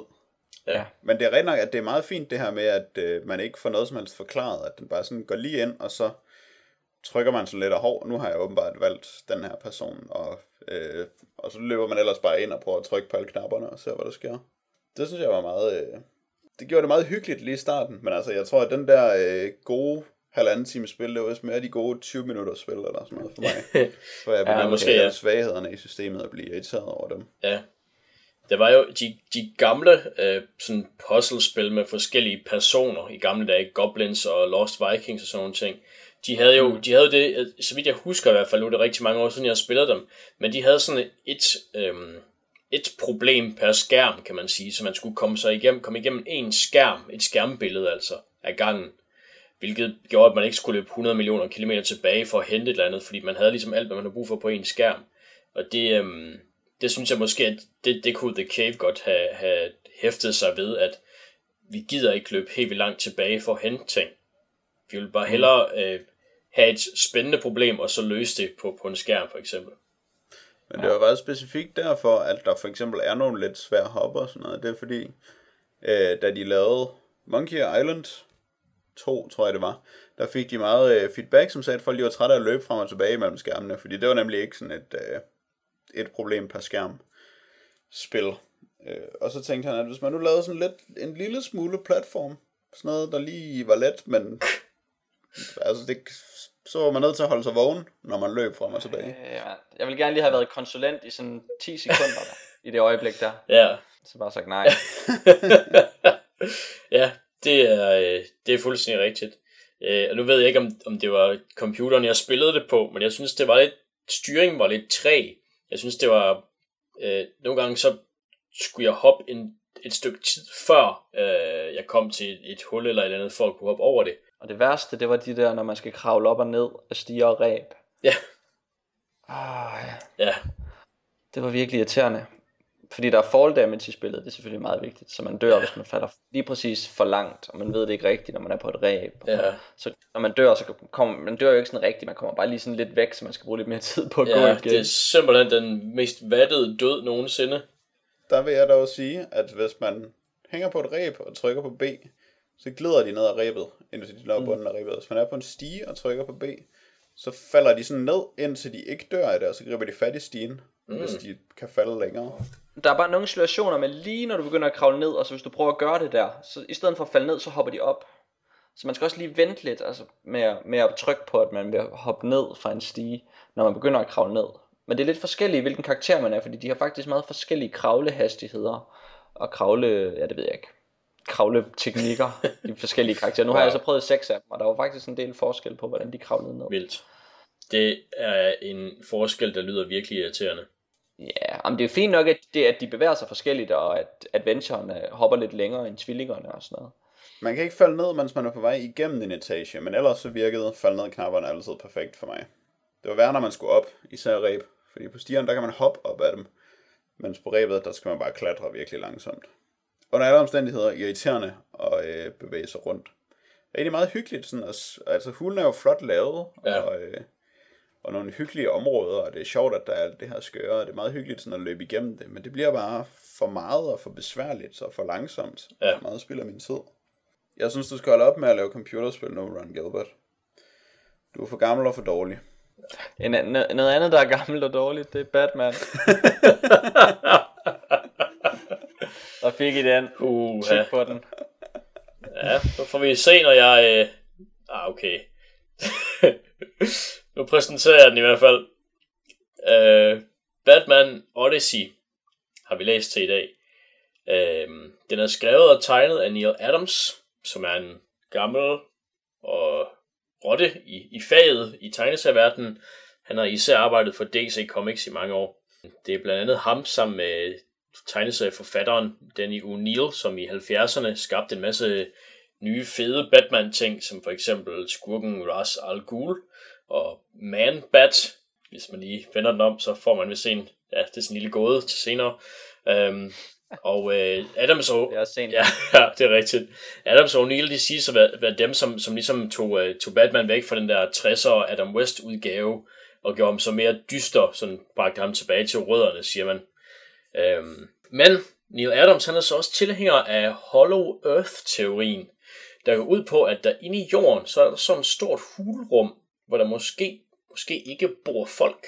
Øhm, Neil Adams, han mener også, at jordkloden vokser, Altså at den udvider sig, så den engang var mindre, og alle kontinenter sad sammen, og der ikke var nogen have, kun sådan øh, små søer. Øh, den her Hollow Earth og Expanding Earth teori, øh, det er en teori, som, øh, ja, lige for at citere Wikipedia, afvises af observerbare beviser, den moderne forståelse af, hvordan planeter dannes, og hele det videnskabelige samfund. øhm, Men det forklarer så meget. Det forklarer, det forklarer virkelig meget om Batman Odyssey i hvert fald. For nu, nu vil jeg lige sådan kort prøve at øh, øh opsummere volume 1. Der er to volumes øh, på henholdsvis 5 øh, og 7 numre, tror jeg. Volume 1. Her har vi Batman, der i bar overkrop i hans virkelig 70'er brystbehøring sidder og fortæller en historie til en ukendt person, om dengang han fortalte en Robin, om dengang han fortalte Robin en historie, som han så ikke afsluttede. Men så fortæller han så den her ukendte person afslutningen af historien, mens han i et andet flashback bliver skudt helt vildt, men det er bare falsk. og så fortæller han så videre på den egentlige historie, som handler om dengang en af Ross Al Ghuls sønner, Sensei, prøvede at sådan at nedbryde Batmans morale og dræbe Talia Al Ghul, Ra's Al, Al Ghuls datter, og Batmans nogle gange elskede, og derefter prøvede at dræbe øh, sin egen far, eller Ras Al Ghul selv.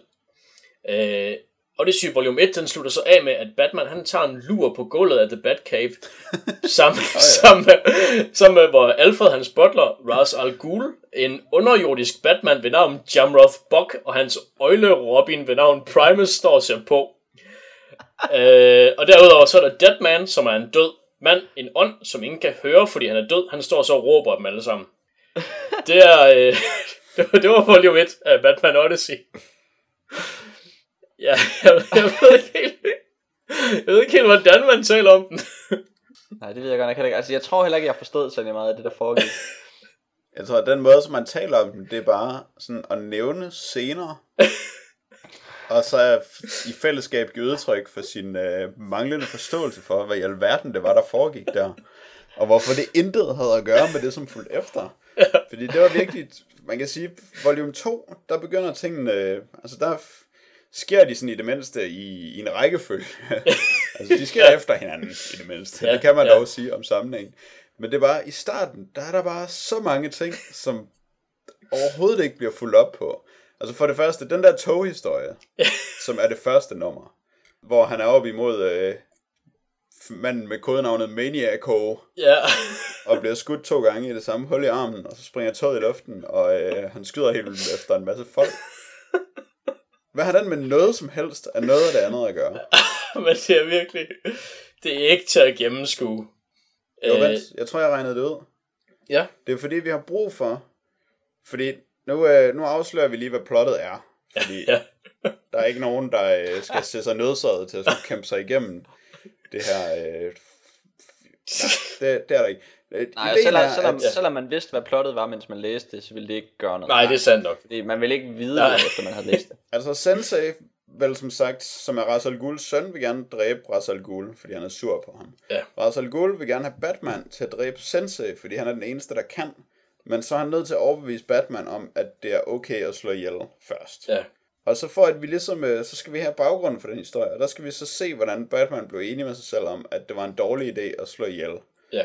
Og det kan man på en måde godt se, hvordan historien med toget, den sådan perifært har noget med at gøre et eller andet sted. Det var i hvert fald dengang Batman, han gik med gun. Ja. og klatrede op ad stiger med en gun i den ene hånd. Selvom det var dumt. Ja. Okay, så det er sådan set, det, det er okay.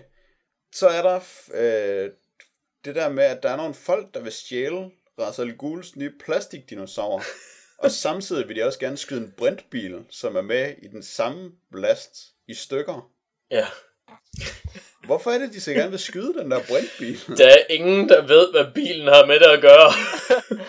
Nej, jeg tror, at Batman selv måske delvis pointerer det her. ja. At, at han ikke forstår, hvad der sker Ja. i den scene. Og det, og det er virkelig sjovt, fordi de skyder på den her brændt motor og forventer, at den springer i luften. Og så bliver Batman bare helt vildt sur, fordi de ikke ved, hvordan den virker, og så skælder han dem helt vildt ud, mens han tæsker dem. øhm, og, og han er, Batman egentlig, han er sådan meget hysterisk igennem hele, igennem hele historien.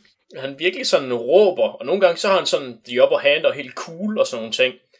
Og andre gange så råber og skriger han bare folk uden grund. Da jeg, skrev, jeg noterede mig i øvrigt i løbet af, det var tredje nummer, der råber han til Alfred, hans gamle ven og butler, Go to hell, you freak. og øhm, Det minder mig lige om noget, hvis jeg må afbryde dig et Ja, øjeblik. Dan. endelig. Det du snakker med der med uh, Dans sludder Batman. Utrolig erratic behavior i løbet af det her. At uh, jeg gik i gang med den her uh, historie, da den var ny, og sådan en big deal, det da den udkom, uh, og gik i stå sådan ret kort tid inden i den ja, inden den var afsluttet i hvert fald. Og da jeg så gik i gang med den her, der tænkte jeg faktisk i øh, både nummer 1 og nummer 2, at okay, det her det er sådan en anden personlighed, end vi er vant til at se Batman her. Han er sådan mere øh, impulsiv og følelsesladet og, og meget, meget verbal omkring alt, hvad han gør. Der er også virkelig meget, mange øh, tankebobler, hvor vi får at vide, hvad han løber rundt og tænker. Eller det er jo så det, han fortæller. Øh, men vi får i hvert fald fortalt alt, hvad han sådan tænker og gør.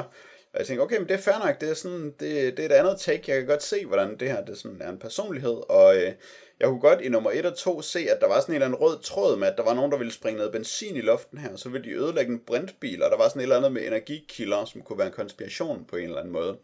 Og var faktisk sådan rimelig positivt overrasket over, at det var meget mindre dårligt og sindssygt, end jeg huskede det. Men så når man til nummer 3, der var Deadman pludselig dukker op og begynder at stå og skrige af alle, uden at give besætte nogen og fortælle, hvad det er, han ved. Og Talia dukker op og står og skriger af Batman, og hvor fladpandet han er, at han ikke forstår den her plan, som foregår omkring ham. Og Batman står og skriger af sig selv, og øh, Manbat kommer ind, Neandertaler Batman kommer ind og skriger af Batman og ved, hvad der foregår. Det er som om alle ved, hvad der foregår, men der er ikke nogen, der gider fortælle det til ja. hinanden eller til Batman, som han kunne være med. Og så ja. så kommer Aquaman, og han ved, at hjælpe mig også, hvad der foregår. Han kæmper rokke med til lige at dræbe Neandertal Batman, øh, fordi han måske ville have fortalt Batman, hvad der foregik, og så kunne de ikke alle sammen blive ved med at stå og råbe Batman om at kæmpe en idiot, som var. ja, Det springer bare fuldstændig i luften, og så er Jamen, der ja. ingen samling i noget længere, og alle er skrubhysteriske og står og skriger hinanden. Og derfra så falder det bare helt fra hinanden, når Batman han skal tale og tænke med, at der hele tiden er ellipser og udladelser, og han skifter spor, og det er virkelig sådan en galning, der har sat sig ned og tænkt, at det her, det virker som en god replik til nogen at sige, at det her, det er noget, som et menneske overhovedet kunne tænke.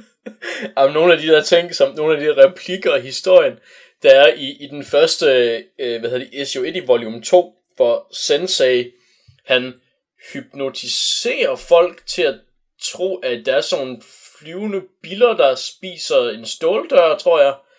Så, så, er der, så er der en af de der forbrydere, der råber, Damn my sweet eyes, these things are of fantasy and sorcery. Og det, det er simpelthen så tosset, altså. Åh, oh, ja. Og Batman sådan fuldstændig tilfældig, eller alles tilfældige brug af sådan nogle mærkelige fremmedord indimellem. Han kalder, øh, mens han er ved at tæske Ruben Irons ihjel, så kalder ham, han ham Pusillanimous. Ja. Hvad betyder det? Jamen, jeg, jeg ved det ikke. Og altså, jamen, også, jamen for pokker, mand. Det er også nogle gange, når, når, når øhm, Robin, han skal prøve at tale slang, så siger Åh, han, vent, vent. Slang. Vi er nødt til at tale om jazz-trollmændene.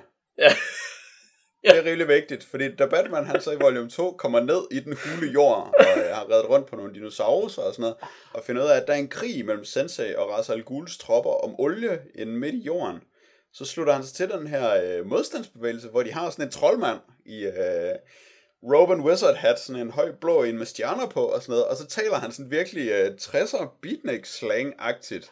Og sådan første gang man møder ham, så kommer han bare ind og siger de der ting, og han er sådan en wizard, der taler som en jazzman. Og så siger øh, Batman til ham, for det første gætter han, at han hedder Sylvester. Øh, vi har aldrig mødt ham før. Han gætter, at han hedder Sylvester. Han gætter, at han spiller klarinet. Øh, det kan han se på hans læber. Og det er det eneste, vi får præsenteret om ham her troldmanden, Det som bare er ved en modstandsbevægelse. Så tosset. det, sto- det store slag er i gang, og så er der pludselig tre af dem, og så siger Batman, at det er The Jazz Wizards. og så er der sådan tre jazz-troldmænd nede under jorden. Jamen, det er så tosset.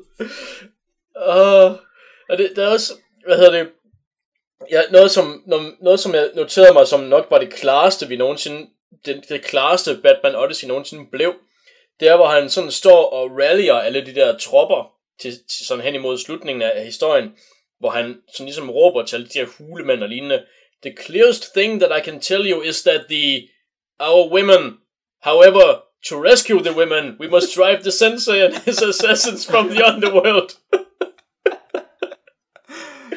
Og Det det, er okay, ordret. Neil Adams er gået fra forstanden. We get it. Det er sikkert Ja. sådan, han tænker. Men altså, hvordan skriver han det ned? Ja, Og ja. får det forbi sin redaktør? Jamen det er det, hvordan, hvad er det med folk?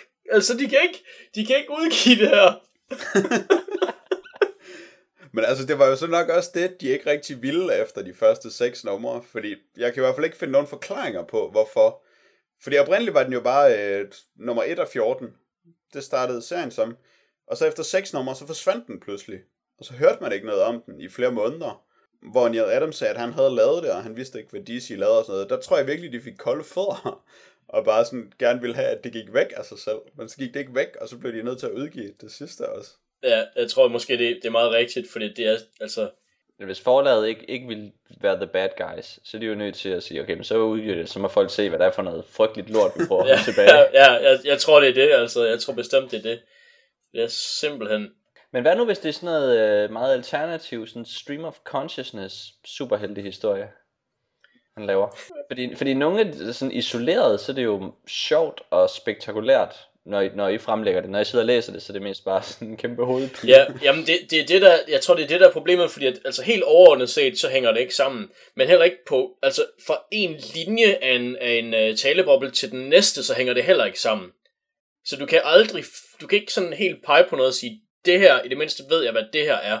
Man er hele tiden nødt til sådan at gætte og prøve at lave sådan en mærkelig øh, stor savlet tyggegummi-klump, der måske giver lidt mening, men, men så bliver måske nedbrudt på næste side, fordi at så råber Robin, ja, jeg ved, det er dumt, men jeg må, jeg må følge efter dem, og så råber Batman, jamen, det er dumt, så lad være, ja, det er dumt, og så sker der måske noget, der ikke har noget med det at gøre, og så, så er de et andet sted bagefter, altså, Men det er faktisk, det, altså det er sjovt, du siger det, fordi når man nu skulle lave en stream of consciousness superheldig historie, der var øh, spektakulær og så videre, så kommer man også sådan lidt tæt på det gode ved den, og det er jo, at Neil Adams, han er jo virkelig god til at tegne, og han er virkelig god til øh, visuel historiefortælling.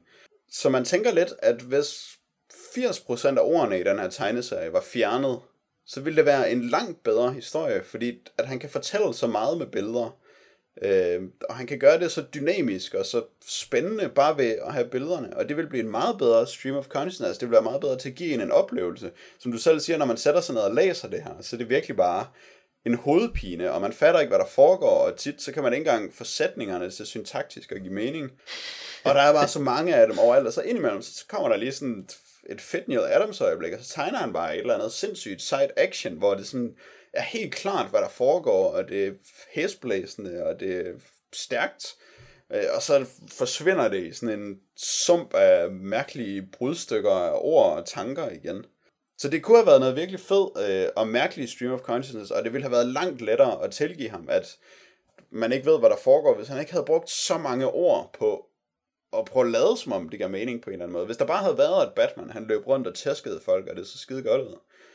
Det ville have været en meget bedre historie og en meget bedre oplevelse så. Så det kunne have været en god stream of consciousness Batman-historie, men det er det eddermame ikke. det er det. Um, jeg, vil også, jeg vil også gerne lige Det er så jeg vil også gerne lige henlede opmærksomheden på øh, Alfred, der laver The Saddest Violin in the World, over for, øh, over for Batman på et tidspunkt, hvor han holder, ligesom holder den ene hånd op og øh, laver en cirkel med pegefinger og tommelfinger, og så har, øh, hvad hedder det, den anden hånds øh, pegefinger helt strakt, så ligner han laver noget helt andet. Nå, ja. Det ligner, han laver sådan en samleje gestus over for Bruce. Uh, men, men heldigvis så, så redder uh, Bruce den ved at sige, ja, det er The Satisfied in the World, der spiller kun for mig eller sådan noget. Men det er simpelthen så forfærdeligt, eller så sjovt, at han starter med at sige, Master Bruce, do you know what this is? Og så laver han den der håndbevægelse. Ej, de har også en rimelig fri tone over for hinanden i den her tegneserie. ja, det har de, det har de godt nok. Men øh, kom du igennem det hele, Anders? Nej, det gør jeg ikke. Jeg tror, jeg kom til tredje, issue, tredje fjerde issue. Ja. Noget i den stil. Jeg synes, det var flot klart, du nåede så langt. Ikke er det simpelthen dårligt. Og jeg, jeg, nåede ikke, det ved jeg ikke, jeg, jeg nåede ikke engang at nyde, hvor gakket det var. Jeg tror ikke, jeg havde overblikket til det. Jamen, det har man heller ikke, og der er den der, det der sådan, den konstante havlby af ord, som man skal prøve at forholde sig til, som hele tiden lader som om, at de skjuler en mening i sig. Men det gør de ikke. Nej. Men er det her et, øh, et new low i uforståelige superheltehistorier for dig? Fordi vi havde jo også lidt, da vi læste den der Alpha Flight-historie, der følte du dig også rimelig hægtet af. Ja, Ja, det er rigtigt nok. Øh, men det var, det var på en anden måde, og det var måske også lidt, lidt mere humoristisk for mig. ja. Ja, den oplevelse med Alpha Flight. Der kunne jeg ligesom øh, godt se det sjove i. Og det var også tegnet rigtig fjollet. Mm. Så, så, der, så der var ligesom to niveauer, hvor man kunne nyde, hvor dårligt det var. Og hvor, hvor kaotisk det var. Her der er det bare... Øh, det er lidt en fælde, man får, Ja. når man læser Batman Odyssey. Man bliver fanget i en fælde. Det, det gør man. Tænkte du nogensinde over, Anders, hvem han fortalte historien til? Nej, jeg havde det faktisk mest som om, at den handlede om, at Batman skulle tænke tanker om, hvad det vil sige at være Batman. Og så var det en masse sådan meta-Batman omkring, hvordan, hvordan Batman tænker på, hvad Batman ville gøre. Og det var sådan lidt den historie, jeg troede, jeg fik, som virkede totalt latterlig. ja. Ja, og det var, også, det var også en af de teorier, jeg arbejdede med på et tidspunkt. ja. Og jeg, og, hvad hedder det, helt øh, i løbet af, hvad hedder det, hen imod slutningen af, af ish, øh, volume 2, så sad jeg bare og krydsede fingre for, at det ikke var Neil Adams, han sad og fortalte historien til. Fordi så havde jeg hoppet ud af et vindue eller sådan noget. Det, øhm, det var det så heldigvis heller ikke, men det var også fuldstændig uvigtigt og ligegyldigt, hvem han fortalte historien til. Så øhm, Men, men swoosh, ja, den, den lyd af Batman Odyssey, der går hen over alles hoveder.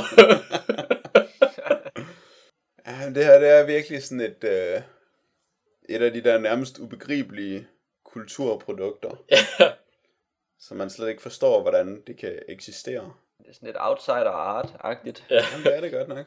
Det må man sige. Mm. Hvis man bare sætter det i den rigtige kontekst. Jazz Magicians. Jeg tror for eksempel, det er ret sjovt at høre jer tale om det. Jeg synes, det er sjovt at høre jer tale om det. Når I tager Altså, jeg synes også, ting. det er sjovt at komme i tanke om, hvad der sker i løbet af den. Bare fordi det er så fuldstændig tilfældigt. Der hvor, øh, jeg kan ikke huske, hvad det er, de lige er blevet færdige med at gøre eller redde eller sådan noget, men så skal de flyve væk, og så starter nummeret bare med, at der kommer en rock og angriber dem. Ja. Og det, det er bare, Ja. ud af det blå, de kommer flyvende på deres kæmpe flagermus, og så kommer der en rock, og så bliver de en vildt bange, og så siger Batman, at de skal kaste håndgranater efter den, og så springer de den i luften. Og det er sådan fire sider eller sådan noget, hvor de bare lige skal møde en rock, fordi, hey, det var en af grundene til, at uh, Neandertal Batman, han blev Batman. Det var fordi den der rock terroriserede hans folk, eller hvad det var. Og så kommer Batman bare lige, og så springer han bare i luften på et øjeblik. Og hvorfor tænkte jeg ikke bare selv på efter den? Han er bare så god til sit arbejde. Ja. Batman, han er bare så god. Eller hvor, hvor han slås mod Sensei, der kan, hvad hedder det, øh, sænke tidens hastighed eller sådan noget. Men så, øh, så ødelægger Batman med vilje sin egen timing, så han slår ud lidt for tidligt, og så rammer han perfekt eller sådan noget. Ej, det er jo ikke noget hokus pokus, men det er alligevel sådan noget Ja. sejt Batman Ninja hokus pokus. ja, jamen det er det da. Det synes jeg er meget fint. Jeg synes, Ja. det er værre det der, øh, hvor han skal finde Nilens udspring nede i jorden. Og så møder han de der egyptiske guder, som bare er sådan nogle mutanter, der er flyttet ned under jorden. Og så passer de på sådan en dør, som uh, Deadman vidste bare, at han ville få brug for nøglen til den. Så han er lige gået i forvejen og gået hen og tæsket nogle trolde og givet dem noget sølvbestik, fordi så bliver trolde vildt flinke. Og så fik han nøglen, og så kommer han med den. Og det er rimelig praktisk, fordi ikke nok med, at han skal bruge den, Batman skal bruge den til at finde Nilens udspring, som selvfølgelig er bevogtet af telepatiske kykloper. Han skal også bruge den der nøgle til at afpresse øh, gnomernes konge, som af en eller anden grund er dem, der holder alle damerne til fange. Ja. og gnomernes konge vil bare vildt gerne have, at den der nøgle bliver ved med at eksistere. Der er ingen, der ved, hvad han skal bruge det til eller noget, men, men det, det skal han altså, så han vil gøre alt for, at Ja, den skal bare være der. blive ved med at eksistere. Ja. Ah, det var meget godt. Klokken er begyndt at nærme sig øh, midnat, så der er vi nødt til at, øh, at lægge på. Det tror jeg nok da. Jeg ved ikke, om vi har tid til lytterpost, Det ved jeg heller ikke helt. Den virker eller vi måske bare skal ikke, ud... Jeg tror ikke, øh, jeg tror hurtigt, vi kan lige hurtigt tage den. Den er ikke Vi så, tager ikke Alright. så vild. Super duper. Det er øh, fra Thomas Sørensen igen. Øh, med overskriften en hastig teateroptrækning med et langt optrapning med et langt efterskrift. Øh, han skriver, Dan, challenge accepted. Så sætter jeg mig til at se Virginia Woolf. Det tror jeg så betyder, at du også skal gøre det. Åh, Ja, godt. Så Godt. skriver han, P.S. Tak til Jack for i samme ombæring at påtale min brug af ordet anti-elitær i forbindelse med min reaktion på se teaterfilm. Det var et dumt og forkert ord at bruge. Det var så let. P.P.S. Jeg er lidt ked af, at I ikke svinede Michael Shannon mere i afsnit 75 for hans beslutning om at sige ja til rollen som Sod i Man of Steel. Det havde han ellers fortjent. Den mand har mange fremragende præstationer i sin filmografi, og jeg vil generelt anbefale folk at se både Boardwalk Empire, Shotgun Stories, Take Shelter og Revolutionary Road alene for hans spil. Men som sådan gik det helt galt i fjollede rumdragter og kedelige slåskampe. Han kunne i øvrigt være en fed bondskurk, tror jeg. Der skulle han, det skulle han til at gøre, i stedet for at spille Sod i elendige Superman-film. PPPS. Kudos for en rigtig god podcast 77. Især præsentationerne af de tre emner var velresearchet med mange lækre og sine observationer. Øhm, vi skal jo ikke se Boardwalk Empire, fordi det har vi jo gjort. Nå Ja. Og hvis man går tilstrækkeligt tilbage i afsnittene, så vil man kunne høre, hvad vi mente om den. øh, Revolutionary Road har jeg set og husker som god, men jeg kan ikke huske, at Michael Shannon er med i den. Jeg kan faktisk aldrig huske, at jeg har set ham. Men jeg har lige i en anden sammenhæng fået anbefalet Take Shelter. Så der vil jeg helt klart øh, prøve at lægge mærke til ham. Fordi han var mega god i Superman. Og jeg tror også, det var lidt, fordi han var det eneste gode ved den. Mm. At så, øh, så var det svært at klandre ham for at være med i den. Fordi, hvad skulle vi ellers have? Det er jo også det.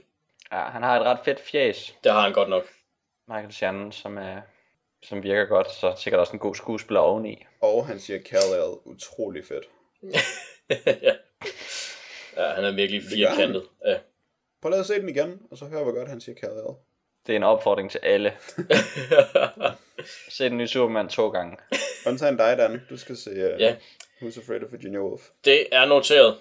Og så tror jeg, jeg skal se Shotgun Stories. Den ser spændende ud. Så kommer vi faktisk omkring alt i hans brev. Det er rimelig sejt. Fremragende. Det er en pagt. Det er godt. Ja. Tak for brevet, Thomas. Ja, tusind tak. Ja. Det var fremragende. Det var øh, fremragende at lave en podcast om grotter. Så nu er vi op til, øh, op til jordens overflade og se om, øh, om øh, New York er overtaget af aber. Eller eller andet. Sandsynligvis. Sandsynligvis. Eller pigrokke og jazz troldmænd.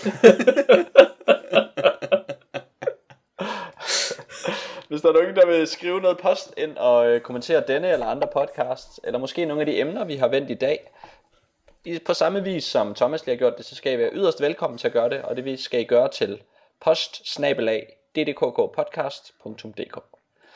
Det er i dag onsdag den 14. august, og det betyder selvfølgelig, at vi er tilbage igen om 14 dage, og det er onsdag den 28. august. Farvel og tak.